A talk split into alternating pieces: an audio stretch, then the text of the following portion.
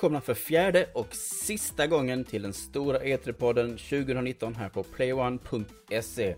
En podd där vi på redaktionen går igenom årets mest tänkvärda händelser och spel såklart ifrån årets E3-mässa. Andreas har också tagit plats och är redo att packa ihop den här serien med vår fjärde episod. Hej Andreas! Hallå! Hallå hallå! Uh, det har varit en pers det här alltså. Vi är nästan två veckor ifrån E3 vid det här laget, om inte mer. Jag tror vi är inne i den tredje veckan. Men, Ja. eh, ja, men det har tagit lite tid. Vi har haft lite problem och vi har spelat in program som inte blev inspelade på rätt vis. Och vi har haft eh, redigeringsbekymmer och lite allt möjligt. Men eh, det kommer någonting gott med det hela, men det tar vi i slutet av programmet. Idag är det faktiskt bara, bara du och jag. Bara du och jag. Bara du och jag. Men vi ska nog vara mer än tillräckligt. För vi ska snacka om spel som Final Fantasy 7 Remake, Cyberpunk 2077, Watch Dogs Legion, Chris Tales, Deathloop och mycket, mycket mer. Som Herregud. vanligt så... Herregud. Som är mig. Som vanligt kommer vi även att kärleksfullt strössla utmärkelser omkring oss mot slutet av programmet. Så nu vet ni hur avsnitt 4 kommer att se ut på ett ungefär. Är ni redo att höra oss för en, göra ett sista ryck kring E3? Ja. Är du redo Andrea? Ja! Ja. Utmärkt! Bra, då kör vi! Det blir ett, en, en mixat eh, potpurri av E3-händelser.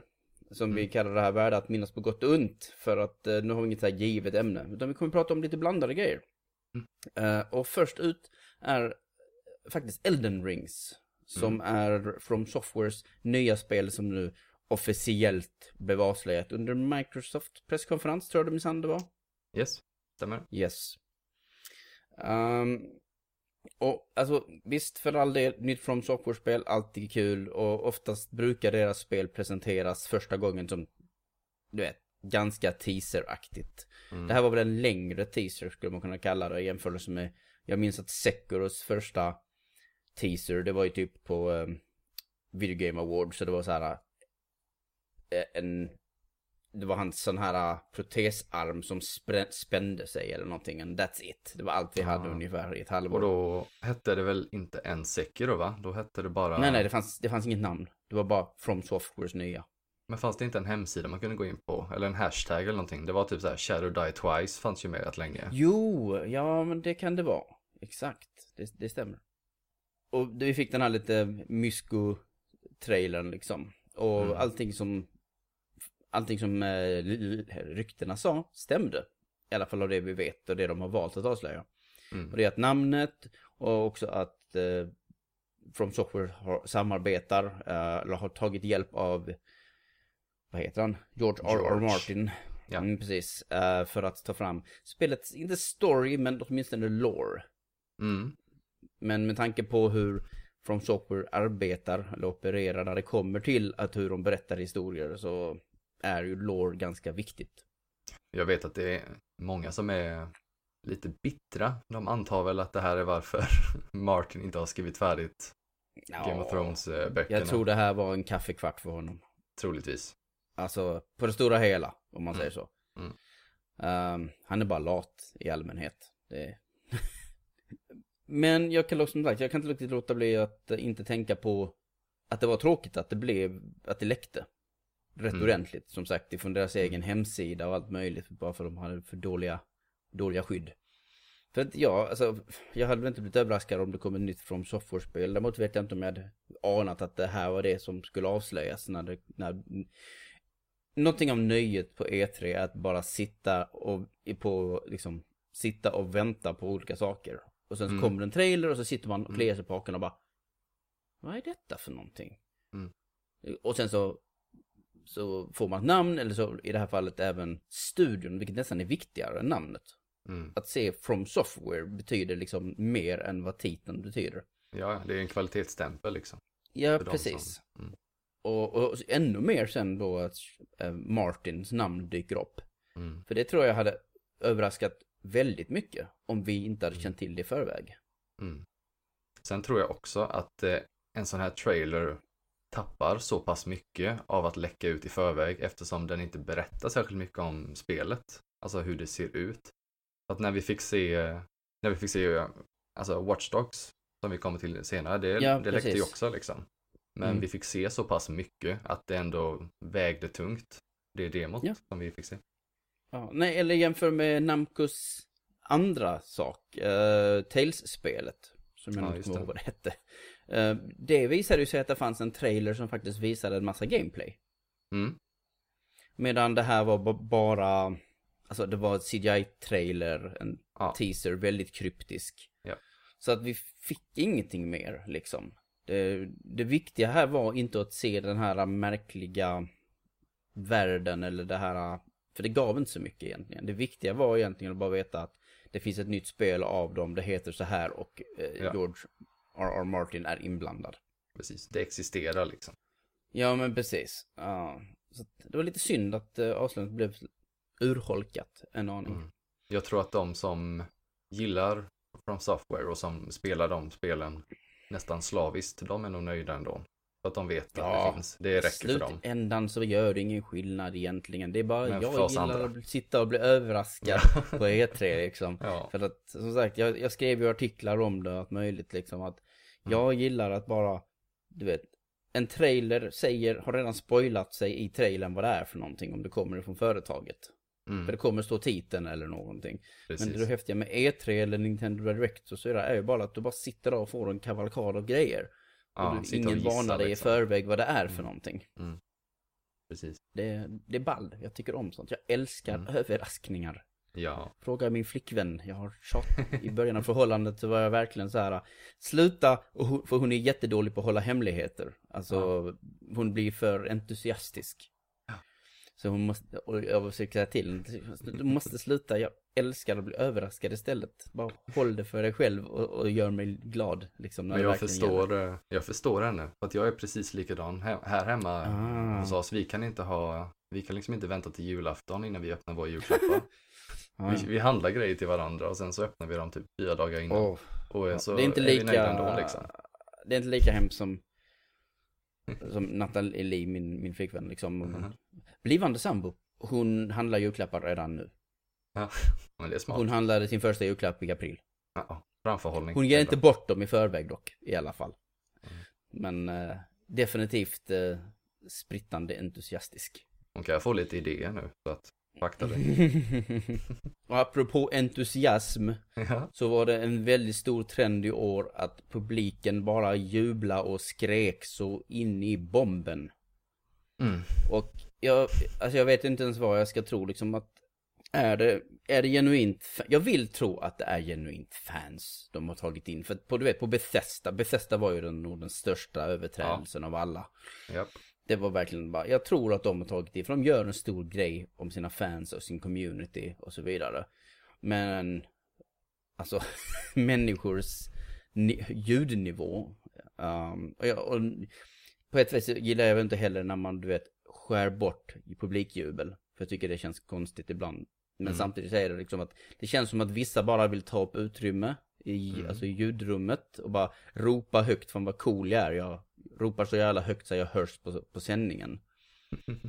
Sådana grejer. Och det, det lyckades en gång i år och det var när de sa You're breathtaking till Keanu Reeves på Microsoft presskonferens. För det ledde Ja. till en, en kul meningsutväxlande liksom och så vidare. Frågan är om det var charmigt. spontant.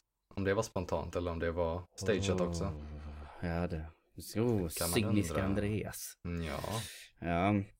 Nej, men jag, jag vet inte. Jag kanske, men jag tror inte det finns någon som är så exalterad över nytt DLC till Elder Scrolls Legends eller kan finns någon? ja nej, det är ju, ja, det är ju nog den största. Eller vilket är Legends?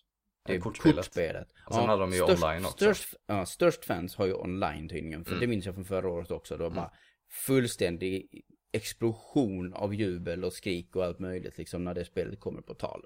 Mm. Det är liksom, vad fan tror ni ni är? Wow! Eller vad är det som händer? jag fattar inte.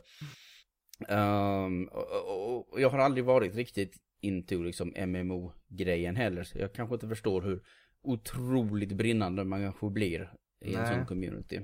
Men eh, det var lite svårt att svälja ibland.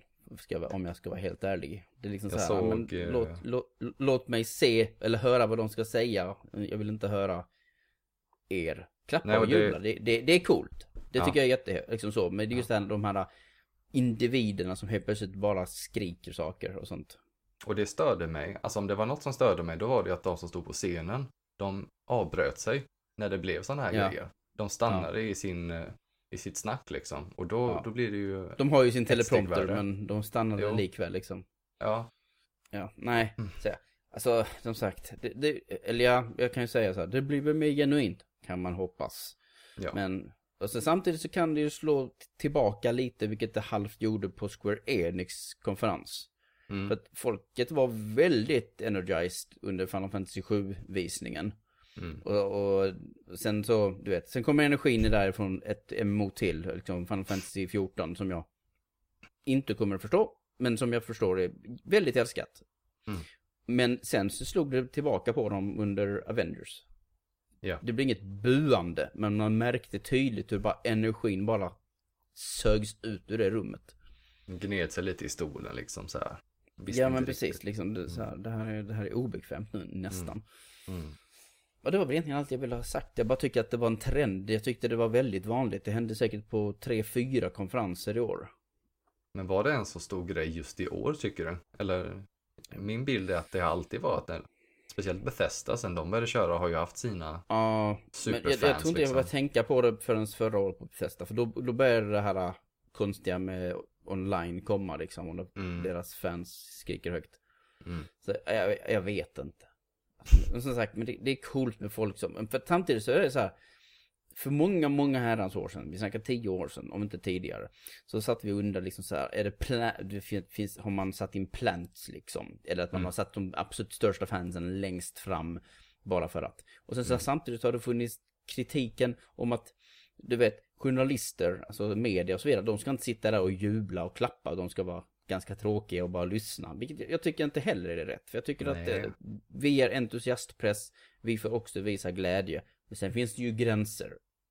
Och den gränsen passeras när man låter, sätt ställer sig upp och ropar högt, till exempel. Ja, Men du vet, jag, jag tror inte att eh, journalister, spelkritiker gjorde det förr på det, på det sättet. det är kul Men, att eh, folk är glada, men inte för glada. Ja, vi, vi får väl säga så, right? Eller hur? Ja. Ett annat företag som gillar att göra folk glada är Devolver Digital. För de fortsätter med sina jävla galenskaper till presskonferenser. Japp. Eh, De har gjort en följetong med det här laget. Vad är den? Tre, fy, fyra delar lång med det här laget. Mm. Om jag inte Ja, minns helt fel. Ja. Ja, och eh, med den här taleskvinnan liksom som de bara, som blir mer och mer bisarr. Eller vars berättelse blir mer och mer bisarr. Och nu helt plötsligt så, hon dog ju i förra, avsnitt, förra avsnittet. Det är den längsta jävla följetongen som finns i ett avsnitt per år. Mm. Eh, och, och nu helt plötsligt så åter, eh, hon återuppväcktes inte. Hon bara, typ, hon lever i en virtuell värld istället. Hon lever i en Ja, just det. virtuell verklighet. Ja. Och nu gjorde man liksom, ska vi säga narr av Nintendo Direct och State of Play. Eller inte mera, det är kanske mer en observation att det här är vanligare och vanligare. Att Ja. eh, företagen nu ställer sig och pratar om sina spel själva på olika videos. Även på E E3. ja, man driver lite med, med, man driver med verkligheten, men samtidigt så använder man det till sin egen fördel också när man presenterar grejer. Ja. Det blir eh, tvådelat, och skämt och allvar samtidigt. Och vi kommer prata mer om eh, Devolvers eh, utbud Mm. eh, senare i programmet. Uh, apropå Nintendo Direct så har vi ju som sagt eh, två utannonseranden som gjordes eh, under Directen men som vi inte tog upp i förra programmet för att det var inget spel utan Smash fick tillägg. Mm. Och de gjorde som, de gör som vanligt sjukt bra sådana jävla avslöjande videos.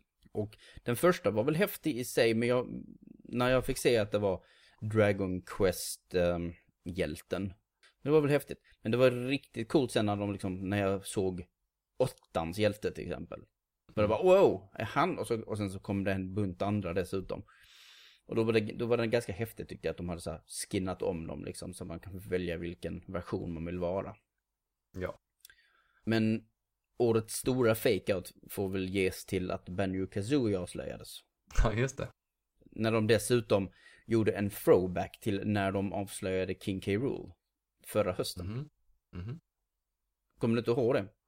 Alltså de- grejen är att Smash har ju aldrig intresserat mig särskilt mycket och då leder det till att nya karaktärer intresserar mig liksom ännu mindre. Men, ja, Men, men, Direct i Mm. höstas måste du ändå ha följt. Eh, Jo då. Och då var det ju någon liknande sekvens när Diddy och Donkey tittade ut genom fönstret och så, så var det typ någonting som såg ut som King Key Rule har jag för mig. Och sen så blev det bara nej, det är inte han, det var någonting annat. Ja, Men sen kom han på riktigt. Mm. Och nu gjorde de typ exakt samma sak igen fast med Ja. Banjo Kazooie. Ja. Med en liten Duck Hunt fake out först. Ja. För att ja, nej. bra. Helt plötsligt så har vi ett m- Microsoft-spel inblandat också. Mm. Det här är, vilket nog är den första, första parten. För jag tror inte Sony har en karaktär i, i Smash. Nej. nej Det nej. finns ingen Kratos eller någonting liknande liksom. Men Microsoft eh, körde ju sin, eh, de hade eh, något slags schema som de la upp inför E3, typ så här tider att hålla koll på. Och då var ju Nintendos eh, Direct liksom en av dessa. Så att Hmm. folk visste ju att någonting Microsoft-relaterat skulle ju vara där. Eh, Ja. Kanske man inte trodde att det var en Smash-karaktär utan mer typ Xbox Live på Switch eller Ja, Game Pass Det hade ju, Switch. det fanns ju lite friska spekulationer om det. Ja. Um, men som sagt, Kazooie, det känns Mm. logiskt det är som att det var där det började på Nintendo-plattformen. Mm. De hör hemma där liksom på något sätt. Mm. I synnerhet i en sån mashup-spel som Smash. Ja. Så, Det- kul. Mm. Eh, och de ligger mig lite extra varmt om hjärtat också, personligen. Mm. Jag gillar de två Mm. karaktärerna och deras spel. Däremot så gillar jag inte Smash så mycket. Men jag kan se glädjen i det. ja. Kul att de är med. Yes. Eh, och slutligen så måste vi ju faktiskt lyfta att Tim Schafer gick upp på scen, på Microsofts scen. För att avslöja någonting. Vad avslöjade de Andreas? Vad avslöjade Tim Schafer? Nej men han sa att eh, Double Fine som eh, ligger bakom Psychonauts och Psychonauts 2 som är på väg. Eh, att de nu är en del av Xbox Game Studios. De joinar Microsoft. De är inte fristående längre. Helt Nej. enkelt. De är inte en indie, stor indie-studio med utgivarmöjligheter. de har ju faktiskt hjälpt eh, andra att ge ut spel också. De Mm. startade ju också FIG. Som är den här Kickstarter-aktiga där du kan få så här ägarskap och grejer. Mm. Och var med och drog igång sådana saker. Mm. Jag tror att eh, rent av att Psychonauts 2 började där på FIG. Det Men-. Mm. De är också en av de studiorna som har varit väldigt transparenta efter sin Kickstarter, alltså i 2012, den första. Mm. Som var, eh, vad hette det, Broken Age. Och efter det så har vi, de har ju spelat in väldigt mycket dokumentärer och så vidare. Och pratat väldigt mycket om sin ekonomi och allt liknande.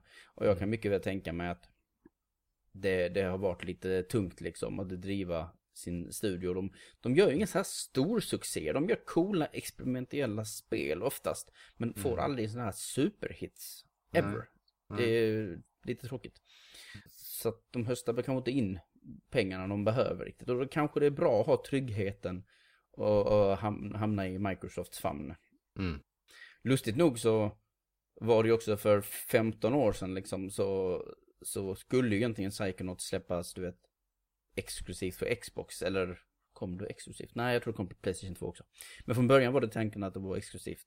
Eh, och Microsoft hade um, Double Fine. Mm.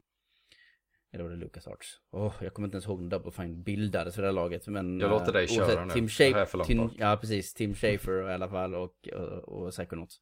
Mm. Eh, men i slutändan så släppte de det och sen så tog Majesco, eh, Majesco upp spelet istället liksom som en tredjeparts eh, utgivare. Mhm. Så det kom ut. Eh, så det lustiga är ju faktiskt att det gått nästan så här full circle nu. Ja, precis som är tillbaka. Ja, men jag tror, jag tror att de kan passa på Microsoft, eh, eller i Xbox Game Studios, i, på det sättet att de nu är, eh, de är en studio som gör massa små kul spel. Och det passar sjukt bra i Game Pass-modellen. Oh ja. Det gör så att det kommer ut spel i relativt fin takt direkt från Microsoft, som kommer direkt på släppdagen och gratis, eller gratis du vet, för det är ett Mm. bra sätt att övertyga folk om att investera i Game Pass. Då kommer Psychonauts 2 hamna där med då. Det gör det va? Eh, Det ges ju inte ut av Microsoft. Så man kan fråga sig om det. De kanske gör en deal, vem vet? Men Outer Men- Worlds kommer ingå där va? vad jag vet. Och, ja, kanske. Jag vet inte. Det är ju inte Tror Obs- att alltså det är det är Obsidian som de äger, men utgivaren för Outer Worlds är ju inte Microsoft heller. Nej, men jag är Så ganska de måste, säker på de att det måste gjort sig, det. de, de måste ha gjort deals. Ja, Just nu kommer jag inte ihåg vem det är som sitter på Psychonauts 2 eh, utgivningen, om det var... Gud, ah, jag minns inte. Vi får se. Ja. Men som sagt, ganska kul, eh, eller intressant. För liksom så här, ah, de förlorar sin självständighet, men samtidigt så har jag väldigt stort förtroende för Microsoft för det här laget. Jag, jag litar Mm. ganska mycket på Phil Spencers motiv att Mm. göra saker. Mm. Eh, han har varit en bra ledare och börjat få liksom styr på det här skeppet. Men det, det tar en generation att få styr på skiten. Det som pajade liksom under in, inträdet in i Xbox One-generationen liksom. ja. Så Matrick och alla de andra lyckades sabba Mm. fullständigt. Mm. Alright. Det var lite blandade händelser från E3 som vi kände att det här kan vi prata om och det har vi inte riktigt pratat om ännu. Vad vi däremot har pratat om är jätte, jättemycket spel och Mm. eh, Och vi har några till. Vi, vi har några kvar. Vi har Mm. några kvar. Vi har några riktiga jävla humdingers kvar att snacka om. Eh, och vi tänkte vi börjar med Final Fantasy 7 Remake. Ja, Ett spel som har varit... Vi har känt till detta spelet sedan 2016, 15, 16, 16. För jag är ganska säker på att det, är samma år som eh, The Last Guardian släpptes också väl. ja, det stämmer nog kanske. För då avslöjade de ju också att åh, det är på gång. Och så det släpps ganska snart tror jag. Och så var det Shenmue 3 också, så liknande. Så det har varit under utveckling länge, det har haft lite problematisk utveckling verkar som, eh, och sådär. Men och, framförallt så är det någonting som funnits i drömlandet för många, på grund av, det är, eh, är det, jag vet inte om det är delvis Sony, men framförallt så är det ju Square Enix eget fel. För vad de gjorde en gång i tiden i mitten av 2000-talet. Ja, det fick väl ett, fick väl ett technical demo för PS3 va? Exakt. Mm. Där de gjorde liksom så här, visade hur Final Fantasy 7 kunde se ut, i alla fall introt typ, kunde se ut på Mm. Playstation 3. Mm. Och det tände en massa drömmar i folks skallar liksom. Mm. Och nu är det som sagt 20 år senare, över 20 år senare istället för 10 år. Det, det ska bli väldigt intressant vad det, vad det här kommer bli. Och nu är det snart dags. Ja, jag vet inte. Det är mycket som är konstigt med det här spelet tycker jag. Alltså, Mhm. dels den här grejen att det är bara första sektionen av originalspelet som de gör remake på nu. Alltså det som kommer Ja. ut nästa Det år. är Midgar-segmentet, verkar det som att de har dragit ut till ett helt spel. Ja, och hur många procent ungefär motsvarar det av originalspelet? Alltså, om vi låter bli att säga, eller vi kan ju kan du räkna procent enkelt? För jag skulle säga att Final Fantasy 7, utan att man utforskar typ allting eller mer än, om vi bara följer storyn ungefär. Mm. Cirka 40 timmars speltid. Kanske. Mm. Mm. Midgar är 7 timmar, 7-8 timmar när man inte har spelat det första gången alls kanske. Man, Mm. vet, man är lite långsammare och man tittar runt och så vidare och insuper atmosfären. Så kanske 20 procent då, runt omkring det. Tror det är lite generöst kanske. Kanske 15. Ja, kanske det. Mm. Då, då undrar jag så här, om, då har de 15 procent nu. Ska de göra resten lika ambitiöst? Eller ska det vara liksom, nu kommer del 1 och då har vi utvidgat Midgar och sen kommer Mm. del 2 och då är det resten av spelet, fast inte lika utvidgat. Alltså problemet är ju att efter du lämnar Midgar så hamnar du på kartan. Mm. Efter det det så öppet. hamnar du på världskartan. Mm. Och det är fortfarande linjärt liksom. Alltså det finns en karta men du vet du kan bara gå till vissa punkter. Mm. Alltså det har ju funnits spekulationer från början för flera år sedan. Att du vet man kanske drar gränserna där skivorna tog slut en gång i tiden. Mm. Men det stämmer ju inte med Midgar. För skiva 1 tar inte slut när Midgar slutar. Nej. Uh, det tar slut mycket, mycket senare. Jag tror att de har valt utveckla på Midgar för att det är en minnesvärd plats för många som spelade spelet. Uh, och det är en allmänt slående plats liksom, visuellt slående plats. Den är Mm. minnesvärd bara av hur den ser ut. Mm. Det är, ju, det är en så här dystopisk framtidsstad byggd på lager. De egentligen inte utforskade jätteutförligt i det första spelet. Men som jag sa, när man spelade Final Fantasy 7 i 1997 så kändes liksom Midgar jättestort. Mm. Det kändes som att man spelade jättelänge och man var i Midgar hela tiden och sådär. Ja, ja. Och sen när man kom utanför så insåg man ju liksom Wow, detta var en plats på kartan. Ja, Vad är det som pågår liksom? Eh. Och då inser man också att jag har bara spelat kanske 10 timmar. Så det här är ju inte slut. Mm. Men som sagt, det är lite av en, en mytologisk plats som kanske Mm. många fortfarande vill veta mer om. Eh, Mm. Det finns mer kanske att utforska inom Shinra, företaget som driver liksom Mako-reaktorerna och, och så vidare liksom i stan. Mm. Men absolut, hur ska man göra det? det? Den ska ju tydligen, det här spelet ska ju tydligen vara på två Blu-ray-skivor i sig själv. Första delen ska vara på två skivor. Ja, ja. Mm.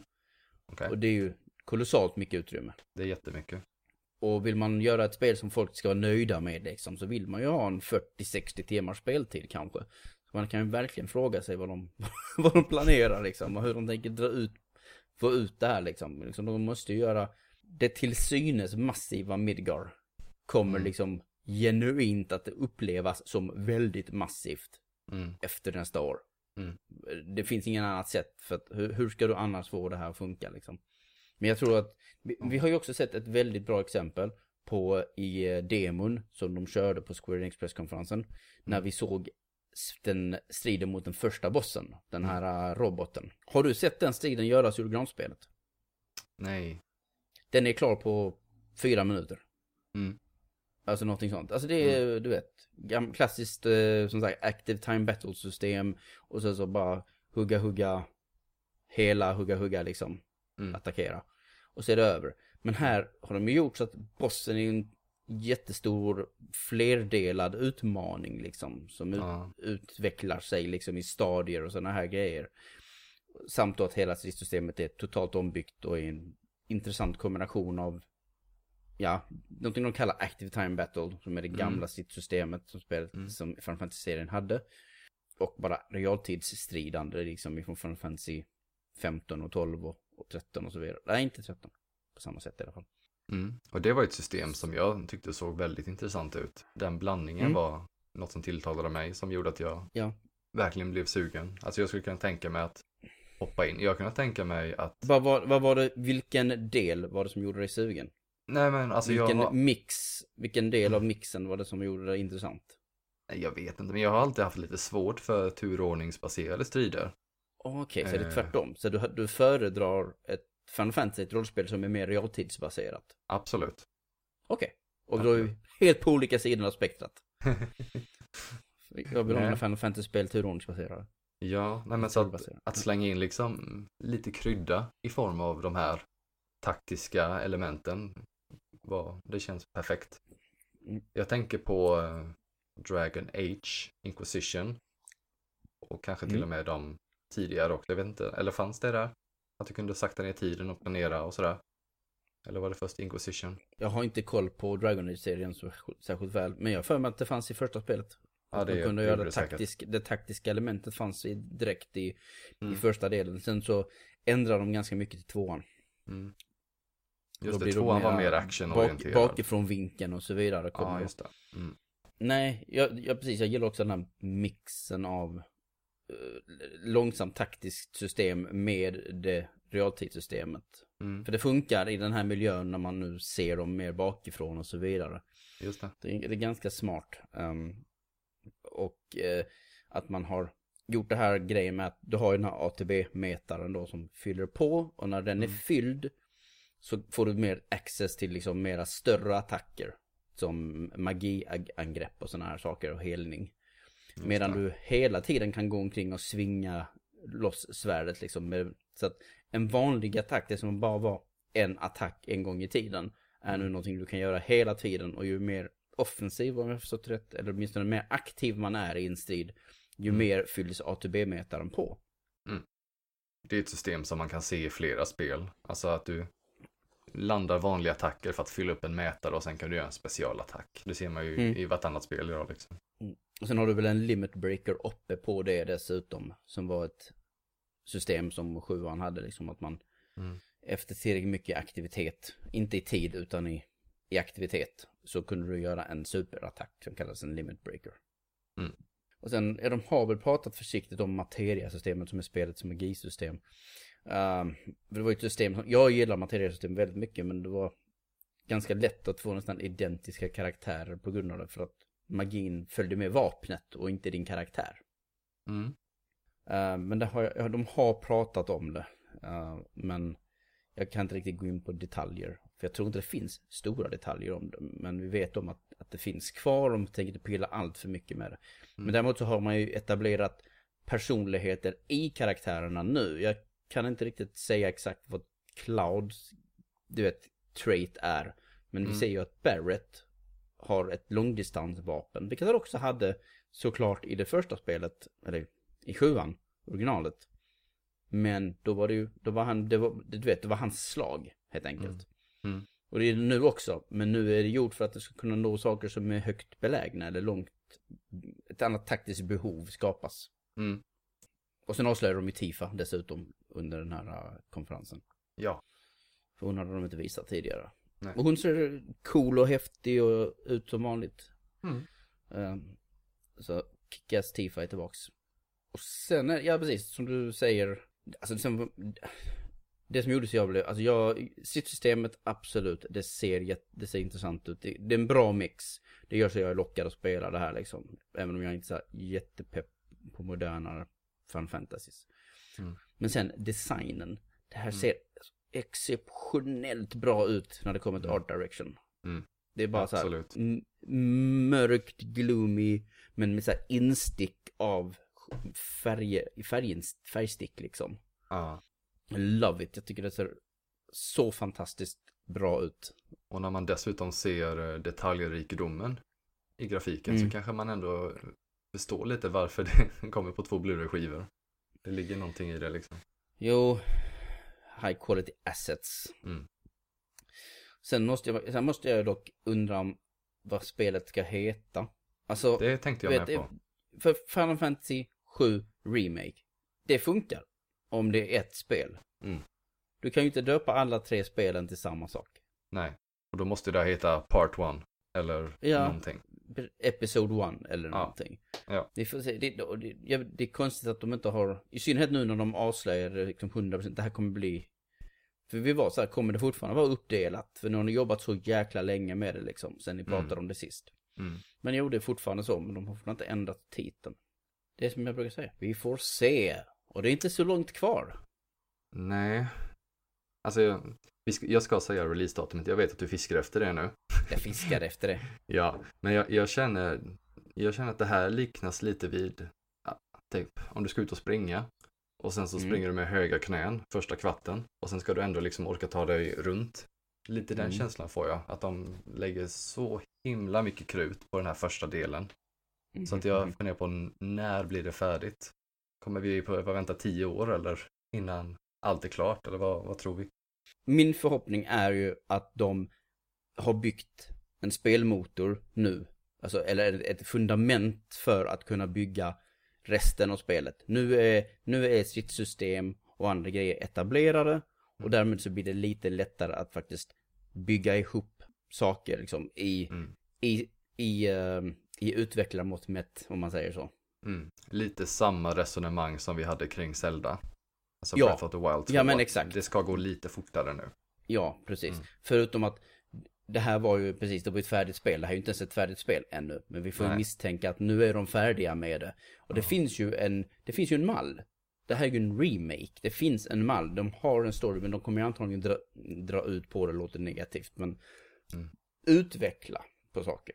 Mm. Det finns fortfarande saker i sjuan som skulle kunna presenteras bättre och eh, mer noggrant. Men baserat på den tidens begränsningar så fick man låta bli. Mm. Sen finns det ju en risk att det blir så här extremt mycket Final Fantasy bloatness liksom, eller så här typ anime, gonna anime ungefär. Mm. liksom, det finns en väldigt stor risk för så här filosofiande. That's a word. Um, Yeah. Ja, men den typen av innehåll Mm. eh, som ändå serien är är känd för. Ja. Och att det kan bli mycket, mycket mer på grund av att de har inga begränsningar på hur mycket de kan prata ungefär. Mm. Men vi, får väl helt enkelt se. Men min förhoppning är väl att de kanske kan pum- pumpa ut de här i, på en period av ett, ett och ett halvt år. Eller någonting. Det kommer fortfarande ta tre år innan det här är klart i så fall. Men Ja.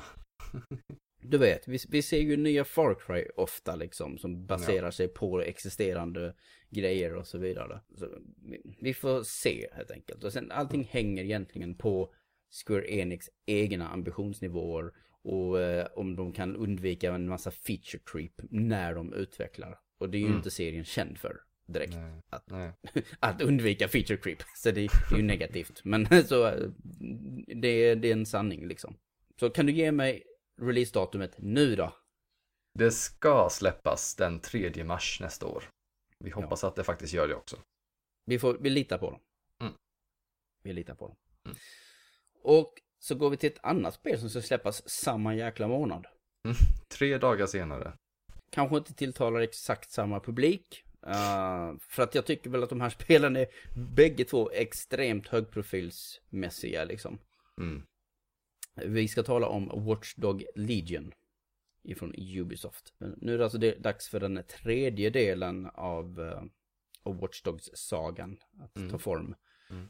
Den ser ut att vara lite mindre lättsam den här gången. Jag skulle väl säga att Watch Dogs 2 var ganska soft och lättsamt. Även om Ja. det fanns vissa ämnen som var seriösa liksom såklart. Men de har gått lite upp och ner. Första Watch Dogs var ganska mörkt. Utspelade sig Mm. ju i Chicago. Ja, Eh, väldigt... med Aiden. Aiden Pierce där, väldigt allvarligt. Nästan lite för allvarligt. Sen så gjorde man en helomvändning, åkte till San Francisco och slängde in alla färgburkar man hittade typ. Och så hade man en karaktär som hette, vad hette han? Marcus?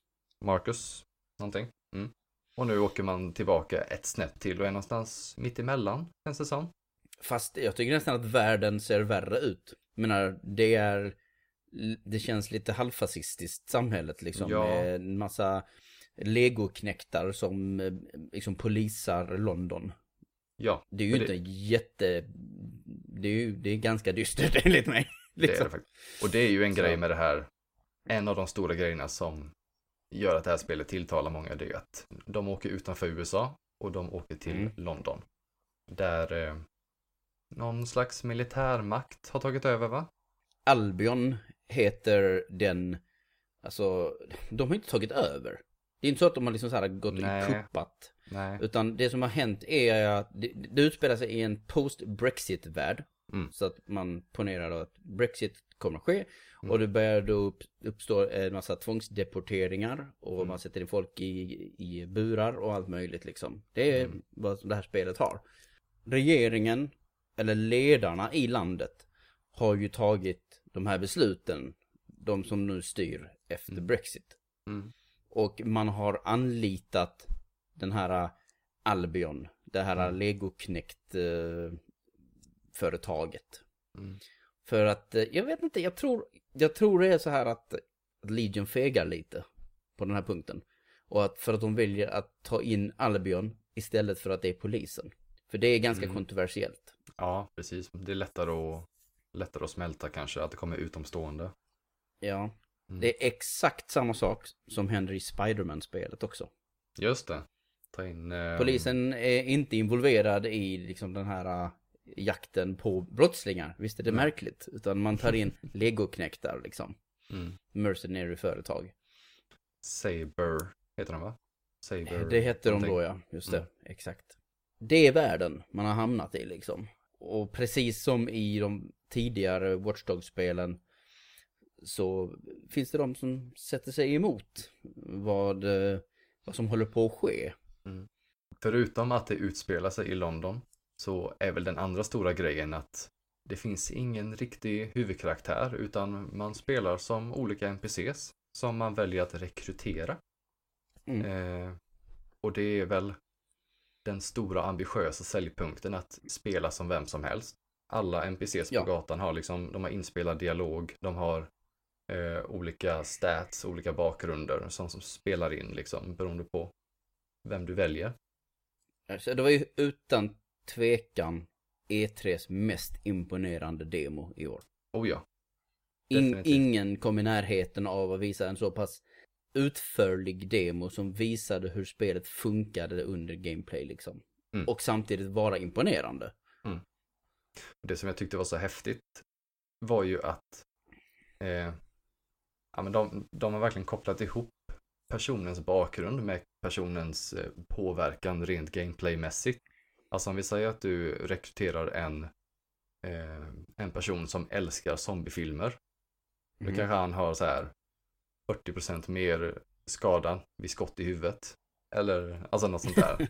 Någon Ja. koppling. Eller en amatörboxare gör mer melee Mm. damage. Eller, alltså de, det finns verkligen en koppling till själva gameplay. Det påverkar vem du rekryterar. Och det är logiskt liksom. Den här serien har ju alltid haft att man kan, du vet, kolla, liksom, pro, göra profiling på människor Mm. genom sin mobiltelefon. Mm. Men nu har de gjort så att helt plötsligt så är, är det inte bara stats eller liksom flavor text. Nej, precis. Det för att det något. finns där. Mm. Nu betyder det helt plötsligt någonting. Det finns riktiga stats liksom Mm. bakom karaktären som man kan nyttja. Mm. Och vissa är mera passande för vissa uppgifter. För ja, om jag förstått rätt så har man delat upp systemet i tre klasser. Det stämmer nog. Och, eh, och om jag har förstått en annan sak rätt så finns det upp till 20 karaktärer. Alltså uni- helt, alltså grejen är så att man har spelat in, du vet, det finns ju begränsningar på hur mycket man kan göra på grund av röstinspelningar och Mm. olika grejer. Mm. Och i sin grund, om jag förstått det så har man spelat in röster och ljud och, och dialog för 20 olika karaktärer. Så att en, du och jag kan egentligen spela kanske samma karaktär med en annan, annan röstvåglängd och så vidare. Mhm. Fast vi tog olika karaktärer. Mm. För att, att vi, sannolikheten att vi skulle välja exakt samma karaktär och försöka få dem att ansluta till oss, Ja. eh, det är ju ganska lågt. ja, ja, men det är det. Eh, Och det är logiskt om det skulle vara så för att som du säger röstskådespeleri arbetet blir ju massivt bara med de här liksom. eh, Och sen så är det så här liksom att vissa områden i stan har olika fallenhet för att lägga sig på dead, DeadSec heter den gruppen Mm, som, som man ansluter sig till. mm. Det är samma som har funnits i tvåan, fanns det med ettan också? Var det DeadSec där också? Mm. Jag tror inte de var lika framstående. De kanske fanns Nej. någonstans men inte tydligt. För nu har man ju någon så här operator i örat liksom hela tiden som pratar med en. Mm. Och det är liksom den bestående delen medan dina karaktärer byts ut hela tiden. Mm. Baserat på vem du vill spela som och om de dör. Mm. Rent av. För de kan, det kan uppstå permadeath om, alltså om, om jag har förstått det rätt. Så att när du blir angripen eller skjuten så kan du välja det bara lägga det ner och, och, och bli omhändertagen av eh, Albion. Och sen så kan man försöka bryta ut till den personen. Exakt. Det tyckte jag var jättehäftigt. Det läste jag om rätt nyligen att om du liksom blir, om du blir downad så kan du välja att antingen ge upp och då kommer den här karaktären dö, tror jag. Eller så kan man välja Nej, nej, nej, nej, tvärtom. Att om du ger upp så blir du omhändertagen och fängslad. Och då kan Mm. du bli räddad. Och Men om du väljer att resa dig upp igen, Just det, då, då, kan du bli nästa gång du blir skjuten, Mm. då är du död. räddad. Mm. Utan pardon, liksom. Då är det bara, då är det kört. Så du har det valet att göra, liksom. Och då tyckte jag det var häftigt att man kan bryta ut sina kompisar ur fängelset. Det var så här, ah, Mm. det, Det är en sån här sak, det, det är en sån här sak som låter jättecoolt i, i teorin. ja, Men som skulle kunna vara otroligt långtråkigt och monotont i Möjligt. praktiken. möjligen. Som är häftigt första två, tre Mm. gångerna, men sen Exakt. tappar lite. Det, det är väl det jag är lite, det är jag lite rädd för. Eh, däremot så har jag förstått rätt så kan man så kan man skaffa fram eh, alltså allierade som är till exempel jurister. Och då har man tydligen lättare att få ut folk ur fängelset på, på andra sätt. Så man kan få Mm. lite automatsätt att få ut folk ur fängelset. Ah. Och det är ganska intressanta system. Jag känner jag behöver spela det här. Det är, herregud. Mm. En annan kul grej som jag eh, noterade, det är ju att det är Clint Hooking som ligger bakom detta. Ho- Hocking. Hocking. Samma Hocking. person som också låg bakom Far Cry 2. Ja. Och detta är alltså hans första projekt som han står helt bakom va? Sen dess? Stämmer det? Ja, han har inte gjort mycket stora projekt eh, sen, sen dess, nej. Och där ser vi Han har varit en 2. framträdande skribent, så här gästskribent på Edge i jätte, jättemånga Mm. år. Eh, man kan följa, jag följer honom på Twitter faktiskt. Och, Mm. du vet, han är en väldigt, väldigt intelligent herre med Mm. ganska många intressanta tankar. Mm. Ehm, och precis, Far Cry 2 var polariserande, skulle vi ju kunna kalla det. Mm. Men också otroligt intressant och en av de riktigt, först, riktigt roliga första så här stora sandlådespelen. eh, Där din, så här, din så här kaosmotor verkligen regerade. Ja, och eh, en annan sak som blir en väldigt tydlig koppling till Legion är ju att i Far Cry 2 kunde du faktiskt välja olika karaktärer att spela som. Det fanns ju ett Ah, okej. gäng olika huvudkaraktärer. Och valde du då en person, skulle du då stöta på de andra som du inte valde i handlingen. Så att det är lite av en naturlig utveckling om man kollar, Mm. kollar på Den, det- betydligt mer ambitiösa Mm. varianten. aningen mer. Mm. Och sen så såklart har alla karaktärer har rutiner som påverkas av vad du gör med världen. Man, som sagt, Mm. man, an, man får dem att ansluta sig till en genom Mm. att man hjälper dem med tjänster. Mm. Till exempel om någon har ett problem med en skuld eller om någons släkting är eh, i, fängelse och kanske man kan få ut dem ur fängelse. Ja men då blir de mer benägna att sen Mm. hjälpa dig till exempel, eller ansluta sig till DeadSec. Ja. Eh, och det kan påverka deras rutiner i staden och sådana här grejer. Och det är Mm. ganska intressant tycker jag. väldigt häftigt. Ja, och sen även, har du spelat eh, Shadows of Mordor? Japp, Det känns som ett spel som är väldigt Andreas. ja, visst gör det. jag tänker efter. Och här känns det lite som att de, att de har tagit in det systemet också. Det här med att folk på, eller kommer ihåg saker. Just det, nemesis Vissa karaktärer, Nemesis-systemet, som vi har sagt, som vi har sett utnyttjas väldigt lite sedan det introducerades i Shadows of Mordor 2014 tror jag. Ja, det var många som trodde att det skulle bli en grej. Att nu kommer alla spel ha nemesis-system. Men det är inte riktigt. Nej. Men här verkar det som att det faktiskt ska kunna vara så, för du ska kunna så här, eventuellt skjuta eller döda vissa karaktärer och det påverkar din ställning hos andra karaktärer. Ja, Så att vissa är kanske inte ens meningsfulla att få att ans ansluta till DeadSec. nej. För att de är så, de är förbannade på dig.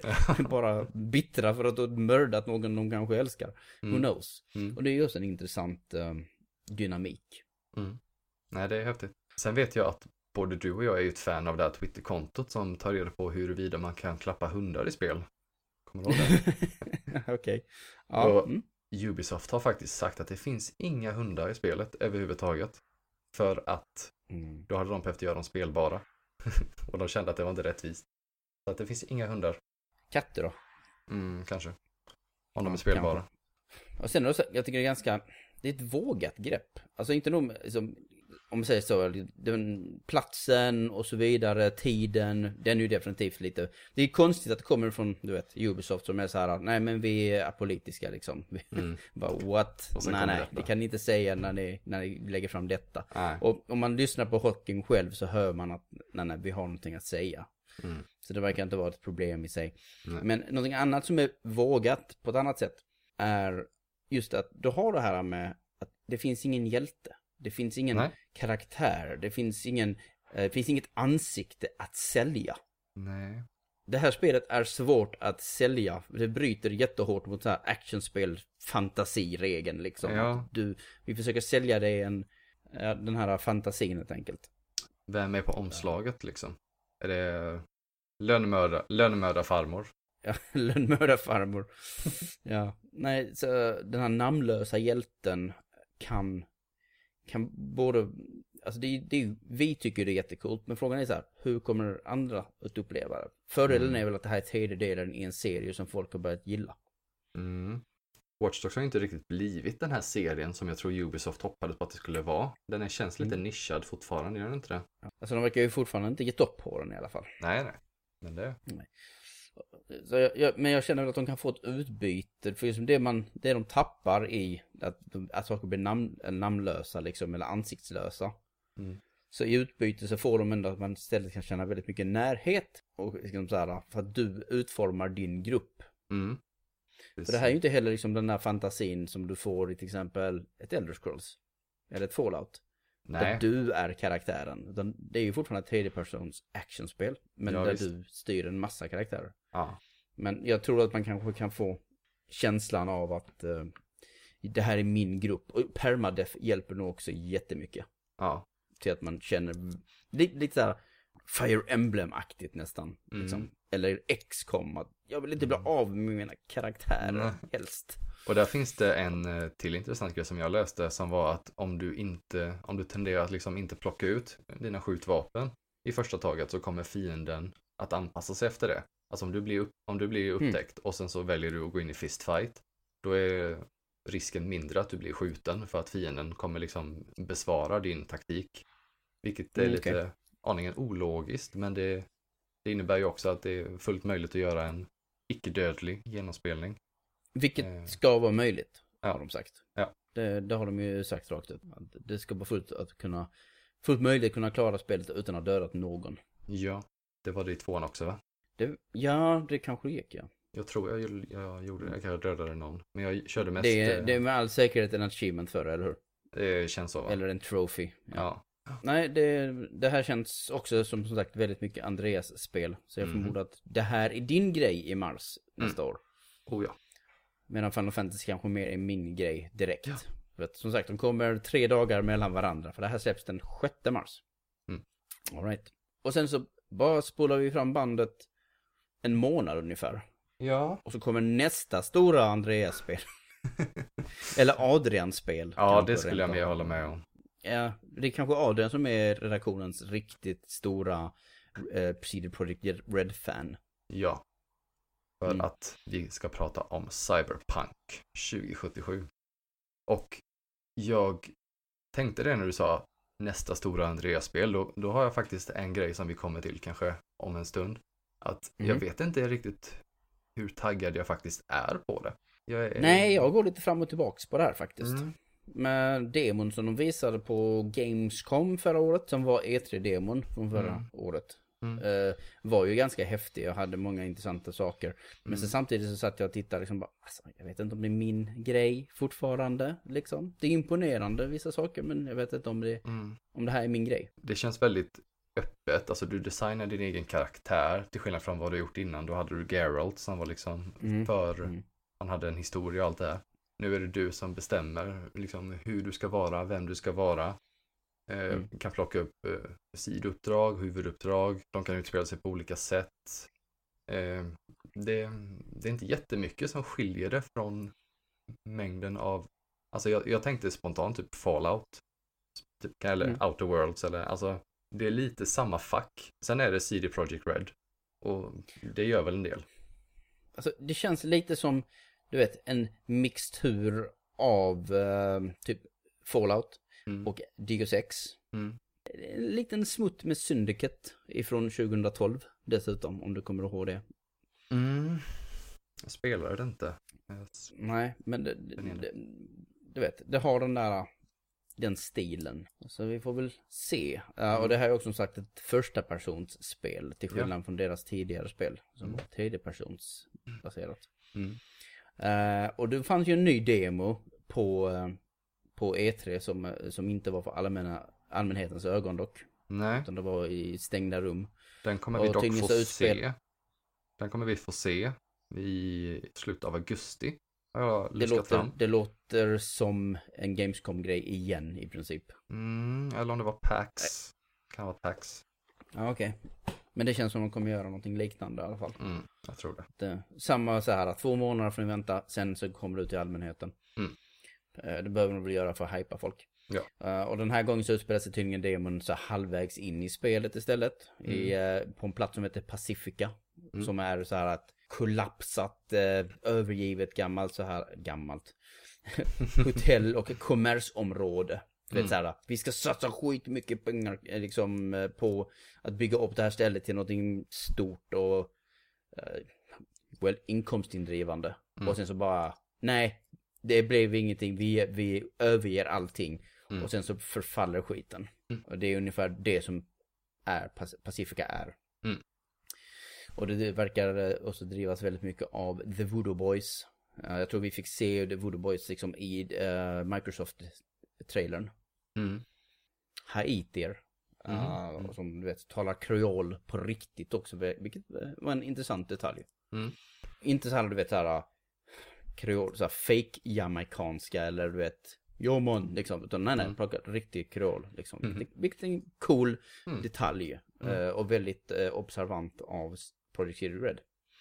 Och sen, som CD sa i Projekt Red. tidigare... Vad Inte, sa jag? pro, inte Project CD Red. Nej, okej. Det blir- Ehm, ord som ord. Ja. Ehm, och sen har vi ju nämnt tidigare, jag tror vi när vi pratade om Keanu Reeves i program 2, Mm. så nämnde vi eh, att hans karaktär heter Johnny Silverhand. Mm. Som är en legendarisk rockare och även hackare. Mm. Och lite av en revolutionär. Och han är som sagt den karaktär som har näst mest dialog, som du sa i Mm. program 2. Mm. För det här, eh, i det här spelet. Mm. Och han är tydligen något slags digitalt spöke, som jag har förstått det. Bor Alltså, inne i karaktärens huvud. Så, Ja, fast jag tror att han är en karaktär från, från brädspelet som det här baserar sig Ja. på. Men i den här tolkningen så, som jag har förstått det, så är han redan död. Och bor Okej. inne i ditt huvud som något slags digitalt spöke. okej. Och det är Mm. därför då han pratar så mycket med dig, för att det är bara du som kan se honom liksom, och höra. Okej. Men det är inte säkert, men jag är ganska säker. Om man ska gå på vad eh, pressen och media säger också så låter det som att eh, 2019, året heter det, var året då Cyberpunk 2077 liksom blev ett faktiskt tv-spel också. Liksom, nu kändes det som så här, att det fanns så här fina animationer som kunde, upp, kunde upprepa sig helt plötsligt. Eh, Mm. Attacker kunde träffa lite snett och märkligt. Vissa fiender var så här väldigt bullet spongiga. Och andra då kanske märkligt snabbt istället. Mm.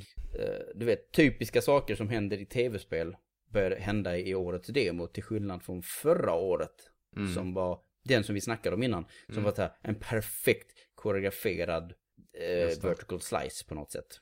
Ja. Dessutom kanske såg lite för bra ut för att vara sann dessutom. Du vet, ibland så kanske det inte alltid handlar om grafisk detaljrikedom. Utan Mm. ibland gör kamera och animation väldigt mycket Oh ja. i vissa fall så ser det inte alltid vet, en NPC trovärdig ut när de rör sig. Nej. Medan när det är så här 100% koreograferat så kan det vara så att de lägger till väldigt specifika animationer. Ja, och hela grejen med, med alltså, olika utfall på uppdragen du kan göra, det är ju att ja, men bestämmer du dig för att dra ut pistolen mitt i en konversation så måste ju fienden reagera på det. Och då, Ja. alltså det, Då det kan man inte ha en perfekt animation egentligen. nej, det är så mycket som kan hända så att det, det måste laddas in liksom. Jag hörde också att uh, cutscenes är inte lika sömlösa, alltså mellan cutscene och gameplay till exempel. Mm. Det är inte lika sömlöst. Det, Nej. det är mer speligt helt enkelt. Det Mm. börjar bli ett spel av det hela. med de eh, uppoffringar man tvingas göra när saker börjar måste bli verkliga. Lite som eh, bilden som folk hade av Death Stranding. Innan vi fick riktigt gameplay liksom. Ingen visste riktigt vad det var. Nej, Alla tänkte att det här men skulle vara något som tänjer på gränserna riktigt och sen bara, nej, nej men det är ett spel. Det ser, det är ett spel. det ser normalt spel. ut. Men jag är fortfarande nyfiken på det spelet liksom. Ja, ja, det faller absolut. helt inom ramen för vad jag tycker verkar intressant. Ja, och jag är fortfarande nyfiken på det här spelet. Så att egentligen kan jag låta lite negativa. Och för, för någon som har sett alltså Metal Gear-spel genom alla år och alla trailers och sånt så visste jag ju om att nej, men, de spelen ser amazing ut i sina cutscenes. Mm. Sen ser de bra ut i gameplay men det ser inte alls lika bra ut. Nej. Man, man måste bara så här, koppla bort det. Jag hörde också rapporter om en väldigt, väldigt utdragen bossstrid, vilket är också en typisk spelig grej. Mm. Att bossstrider är inte bara intens och coola för ett syfte, utan det är bara, men nej, nej, det här ska ju bli en utmaning, så nu Ja, måste ja, vi exakt. ta en stund. Jag är nog inte så här, det här är inte min grej. Första persons rollspel, I don't know. Elder Scrolls och de spelen har ju aldrig varit min grej till exempel. Och det här är ju Mm. CD Projekt Red, så är jag rätt nu? Eh, ja. Det- å andra sidan så var Witcher heller aldrig riktigt för mig. Så jag vet inte. Men, men jag är mycket mer, jag gillar sci-fi mycket mer än vad jag gillar fantasy. Mm. Och det är ju liksom fördelen. Men samtidigt så har ju aldrig Fallout heller funkat för mig. Nej. Jag är nog väldigt taggad på det här, men ribban har satt så fruktansvärt högt. Genom, alltså varje gång vi har sett det här så har det varit bara, åh herregud, cyberpunk. Men, jo, men visst tusan kommer det bli ett larvigt bra spel och visst kommer jag sitta bänkad i hundra timmar. De är ju duktiga utvecklare, det vet vi. Ja. Så jag har svårt Ja, ja. att tänka mig att det här blir flopp. Det, det det, det väl- tror jag inte. Nej. Det är bara att det är inte den här drömgrejen som folk kanske har byggt upp det till. Du vet, det är dags att sänka, ambition, eller, eh, sänka förväntningarna Mm. och förvänta sig att pölarna kommer vara på andra ställen än vad de var från början och så vidare. Det kommer vara lite mindre pölar till exempel kanske. Dessa pölar. Den negativa blir sällan besviken, kan man ju säga. Ja, så är det ju. Tvärtom, man kan bara bli positivt överraskad liksom. Mhm. Sen så, helt ärligt, jag upplever det just nu som att Legion, alltså Watch Dogs som vi precis pratade om, att det Ja. är en betydligt mer cyberpunk när det kommer till sin ideologi och sitt sätt Ja. att vara och vad det handlar om, Ja, än ja. vad faktiskt cyberpunk det här spelet är. Som mest verkar använda det som en estetik just nu. Vi, vi får ju se. Vi kan ju inte spelet, men det nej. är en väldigt här, mer dystopiskt och politiskt spel, det Mm. andra. Medan det andra känns mer som ett kick-ass, liksom fucking robotar och transhumanism och sådana här grejer liksom. Mm. Det, men som de inte riktigt kanske 100% har fattat. nej. Vi får, vi får se, det, du vet, det går inte att eh, avgöra förrän spelet är färdigt. Det känns som att vi har, vi. Det känns som att vi har slutat där. eh, Vi har slutat där med alla speldiskussioner vi har haft. Vi får se. Men det är ju den logiska Ja. punkten man får säga liksom. För Ja, att det är inte släppt ännu. Nej. Så det, det är tyvärr min återkommande kommentar hela tiden. Jajamän. För att jag är genuint alltid intresserad och nyfiken på vad, som, vad det kommer bli av produkten. Mm. Och jag vill framförallt inte att en produkt ska misslyckas. Aldrig. Inte ens kontra, eh, vad heter det? eh, Rogue Corps. Rogue, Rogue Corps, ja Du precis. hör ju bara på namnet. Det, det blir Ja. jobbigt. Det blir jobbigt. Där. Ja. Så att det, ja, Cyberpunk 2077. Vi hoppas att du blir ett eh, toppenspel och vi, Ja. som eh, Adrian kommer att sagla över oavsett antagningen. Definitivt. Även om det suger så kommer han inte säga ett negativt ord. Jag lovar. ah, det, det, det hoppas jag faktiskt inte. Nu får jag Adrian på mig här. Förlåt Adrian. Ah. All right. 16 april är det dags. Japp. Äntligen. Mm. Efter att ha varit, eh, fan vet inte hur länge vi känt till det här spelet. Fyra, fem år. Troligen. Sista konversationen vi ska ha här eh, om ett, ett, en längre konversation vet jag inte om det blir. Men Nej. jag vill i alla fall belysa det lite extra. Mm. Det är Chris Tales. Mm. Som, när kom detta? Jag tror det var PC Gaming Show som visade det. Det kan Eh. stämma. Det flög lite under radarn för mig. Vi har en trailer på det på play1.se. Ja. Och det är helt enkelt ett, ett RPG i klassiskt eh, så här turordningsbaserat snitt. Mm. Ut att vara nästan lite så här Paper Mario system. Att man kan trycka samtidigt som man attackerar för att få lite bättre attacker. Ja. Och sen även lite av ett Final Fantasy 10 system. Så man ser liksom vem som ska attackera härnäst. Och Mm. sådana grejer. Först tänkte jag att det var Grandia som bara, nej vänta de rör sig inte. Mm. För Grandia har ett, ett eh, stridssystem som gör som man som är väldigt rörligt liksom. Och man ser när nästa sak ska komma. Medan Mm. Fantasy 10 har ett statiskt system. Mm. Med liksom, så nu har du gjort din tur, då är det nästas tur. Man, man Mm. ser allting, vem som ska vara på tur. Och det är ganska intressant, för det gör som Mm. man kan göra taktiska beslut. Lite mer på tå än alltså traditionellt turordningsbaserat. Där det bara liksom först jag, sen du, först jag, sen du. Utan det är lite mer, Ja, eller att det är osynligt framförallt. Att man inte ser, du ser din mätare kanske, som i Active Time Battle i Final Fantasy. mm, Men du ser inte din fiende och du vet inte hur snabb speed de har. Så du Nej. vet inte om de kommer hinna göra två attacker eller när de gör sin, när det är deras tur eller någonting. Mm. Här har man koll på det. Mm. Eh, Du spelar som Chrisabel, mm, som är en, eh, en, en flicka helt enkelt som blir, hon får krafter i princip. Du blir, oh, chosen one i Mm. princip. Det är inte mycket mer än så liksom. Eh, Det börjar väldigt intensivt med en strid och emot någon stor fiende och sådana här grejer. mm, Men sen så blir det en, typ en flashback och det är där det riktiga spelet börjar. mm. Och det, det har lite så här halvstel voice acting och sådär. Du vet, det är, inte, det är ingen stor utgivare bakom det här spelet. Mm. Och Crispel träffar en eh, tyggroda som heter Mattias. som kommer vara hennes så här bundsförvant och tutorial-person. Och även den som kommer att liksom, följa henne genom spelet liksom. Mm. Men, men det som är grejen med det här spelet är att den har ett tidssystem. Alltså den leker med tiden. Mm. Och jag tyckte väl att, ja men det låter väl lite häftigt att man kan så här, se dåtiden, nutiden och och framtiden. Det var där jag fastnade lite också när jag kollade på demot. Som det finns Mm. något gameplay-demo ute. Att så här, Ja, precis. För att i, i, i trailern så var det liksom så här, ja, det ser väl lite häftigt ut och så här, men då tror jag aldrig jag fattade att jag faktiskt kanske tittade på gameplay, 100%. nej. För att det som det här spelet gör är att det är inte så att du reser i tiden. Du går inte till dåtid, till nutid Nej. och så vidare verkar som. Utan skärmen är delad i en, en slags triangel. Mm. Liksom, du är i mitten. Mm. Det är också kanske, jag vill påpeka, spelets grafiska stil. Det, det ser lite så här väldigt platt ut men med otroligt många lager. Mm.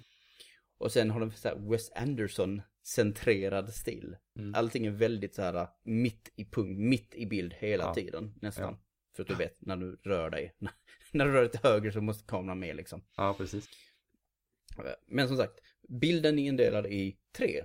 Mm. Så att du är i mitten i ett tält helt enkelt, alltså din split. Och Mm. du är liksom i en triangel, som en trekraft eller någonting. Mm. Och ytterkanterna är respektive den vänstra sidan är dåtid Mm. och den högra sidan är framtid. Mm. Och om du rör dig till höger så trycker du helt enkelt nutid, framtiden in i nutiden. Du, Mm. ser, du ser framtiden på den högra sidan av skärmen.